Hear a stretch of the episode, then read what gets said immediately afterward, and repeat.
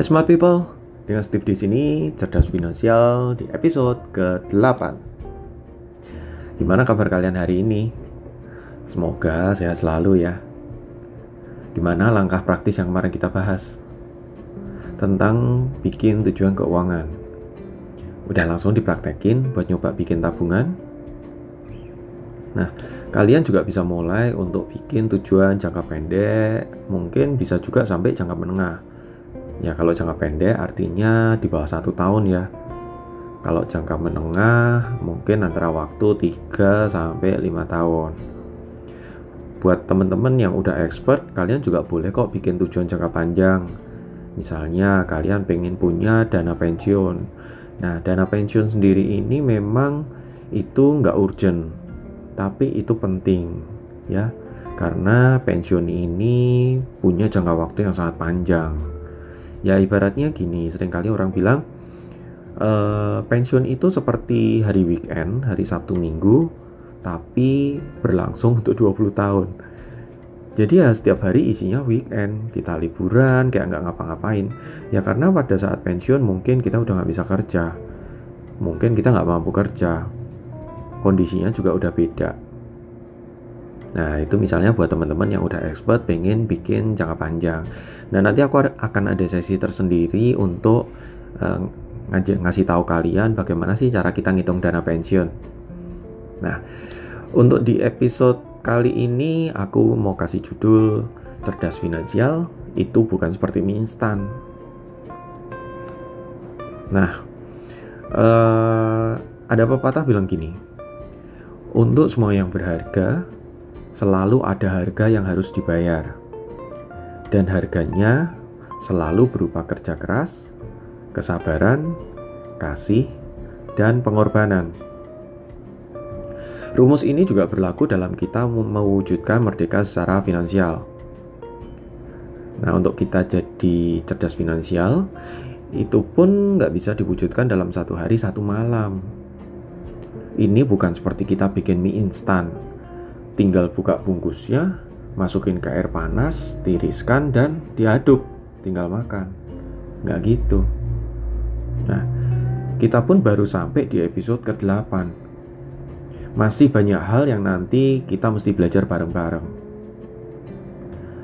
Tapi inget kan yang aku selalu bilang, bahwa perubahan besar itu dimulai dari perubahan kecil.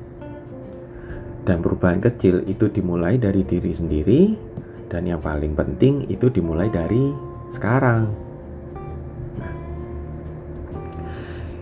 buat kalian mungkin ada yang hobi lari ya, sama kayak aku juga hobi lari.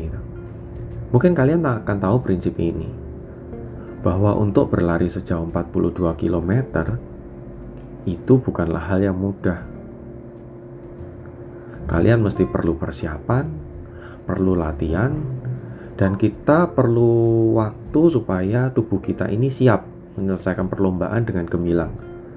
Atau sering kali para, para pelari itu bilangnya finish bahagia. Ya intinya nggak kebanyakan drama waktu kita melakukan race. Drama itu apa sih? Drama itu seperti cedera, kram pada saat lari, mual, bahkan ada yang muntah. Ya macem-macem ya. Nah, dalam proses kita melakukan perubahan dalam hidup, uh, di episode kali ini aku mau kasih tahu nih, ada dua. Yang pertama, kamu mulai bisa ajak teman kamu untuk melakukan hal yang sama. Seperti yang kamu lakukan saat ini. Nah, ini bisa bikin kamu tambah semangat dan bisa saling menyemangati. Nah, kenapa sih ngajak temen ini penting? Nah, aku akan aku akan kasih tahu nih, kenapa kok kalian penting buat ngajak temen untuk melakukan perubahan kondisi keuangan sama-sama. Nah, alasannya apa? E, karena ini sebuah perjalanan panjang. Nanti ada kalanya mungkin teman-teman jenuh, bosen, atau ada kondisi saat pengen menyerah gitu. Mungkin keinginan hasrat keinginan kita akan jauh lebih besar daripada uh, akan kebutuhan kita gitu. Nah nanti balik lagi jadi kebiasaan yang lama lagi. Nah, itu mengingat pentingnya peran teman seperjuangan, tentu pastinya kita juga nggak bisa sembarang milih orang kan. Mereka juga harus punya tujuan yang sama dengan kita. Nah, aku kasih contoh nih. Aku cerita tentang yang pentingnya punya teman seperjuangan. Aku ngerasain banget manfaat uh, teman seperjuangan itu waktu aku ikut event lari. Nah, ini event lari pertama aku bersejauh 15 km. Itu terjadi tahun lalu. Aku bener-bener ngerasain pentingnya punya temen. Uh, aku bener-bener ngerasain pentingnya punya mentor pada saat itu. Nah, waktu aku melakukan lari 15 km pertamaku, di kilometer pertama, kilometer kedua aku udah mampu lah gitu. Karena aku sudah latihan juga gitu namun ternyata mulai di atas kilometer ke 10 rasanya badan ini udah wih udah lelah banget nih. Kaki itu buat lari rasanya udah lemes gitu ya.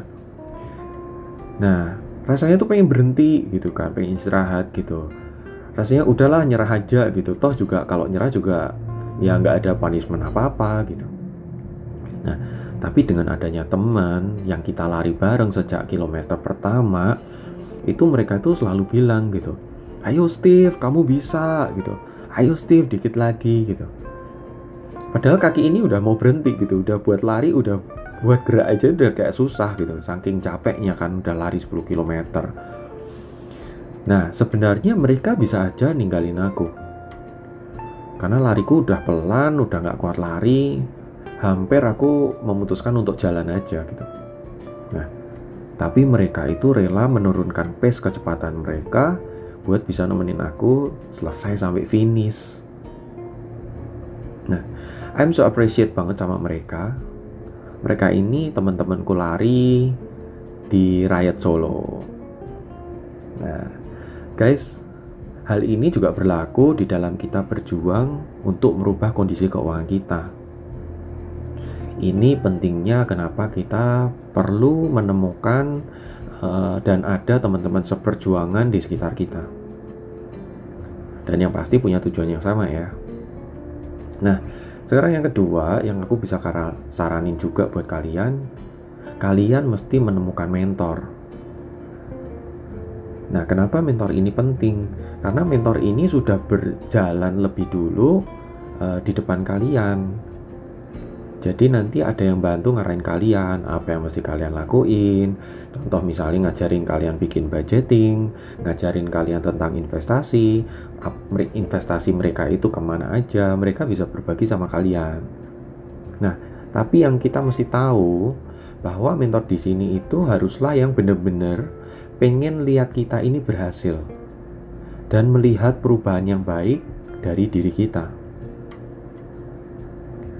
kalau mentor kita nggak berpikir seperti ini ya khawatir aja kalau nanti ya mungkin salah ngasih tahu ke kalian atau segala macamnya kita nggak tahu. Nah lebih enak kalau mentor di sini itu juga benar-benar punya niat yang tulus buat bantuin kita. Nah mungkin kalian masih bingung ya siapa mentor yang bisa ngajarin kita kayak begitu. Nah, aku mau ngasih tahu ke kalian, kalau misalnya kalian masih bingung, kalian uh, bisa ikut yang namanya kelas mentoring keuangan. Nah, karena ini bisa dilakukan di mana aja, karena bisa dilakukan secara online. Kalian juga bisa ngajak teman-teman kalian buat ikut kelas mentoring keuangan ini. Biayanya sangat terjangkau dan ini nanti akan ada 8 kali pertemuan. Nah, untuk lebih lengkapnya, kalian bisa DM Instagramku kalau kalian pengen tanya-tanya. Nah, for info juga buat kalian, aku nggak di endorse sama sekali buat promosiin kelas ini. Tapi kenapa aku promosiin? Karena aku juga alumni dari kelas mentoring ini. Dan aku merasa manfaat itu banyak banget dalam hidupku. Itu termasuk salah satu yang merubah cara pandangku terhadap uang. Nah, langkah praktis hari ini yang bisa kalian kalian lakukan ada dua hal. Yang pertama, siapa yang kira-kira bisa kamu ajak untuk berjuang bersama? Coba kamu pikirin siapa teman kamu yang kira-kira bisa kamu ajak untuk yuk sama-sama kita merubah kondisi keuangan kita. Dengan uh, apa? Yang punya tujuan bareng ya sama kayak yang tadi aku juga udah bahas. Nah, langkah praktis yang kedua, coba kalian uh, cari kira-kira siapa mentor yang bisa nemenin kalian buat berjuang Nah, hal sederhana yang bisa kamu lakukan untuk bisa nemuin temen yang tepat, kamu bisa share podcastku ini dan minta mereka buat dengerin juga.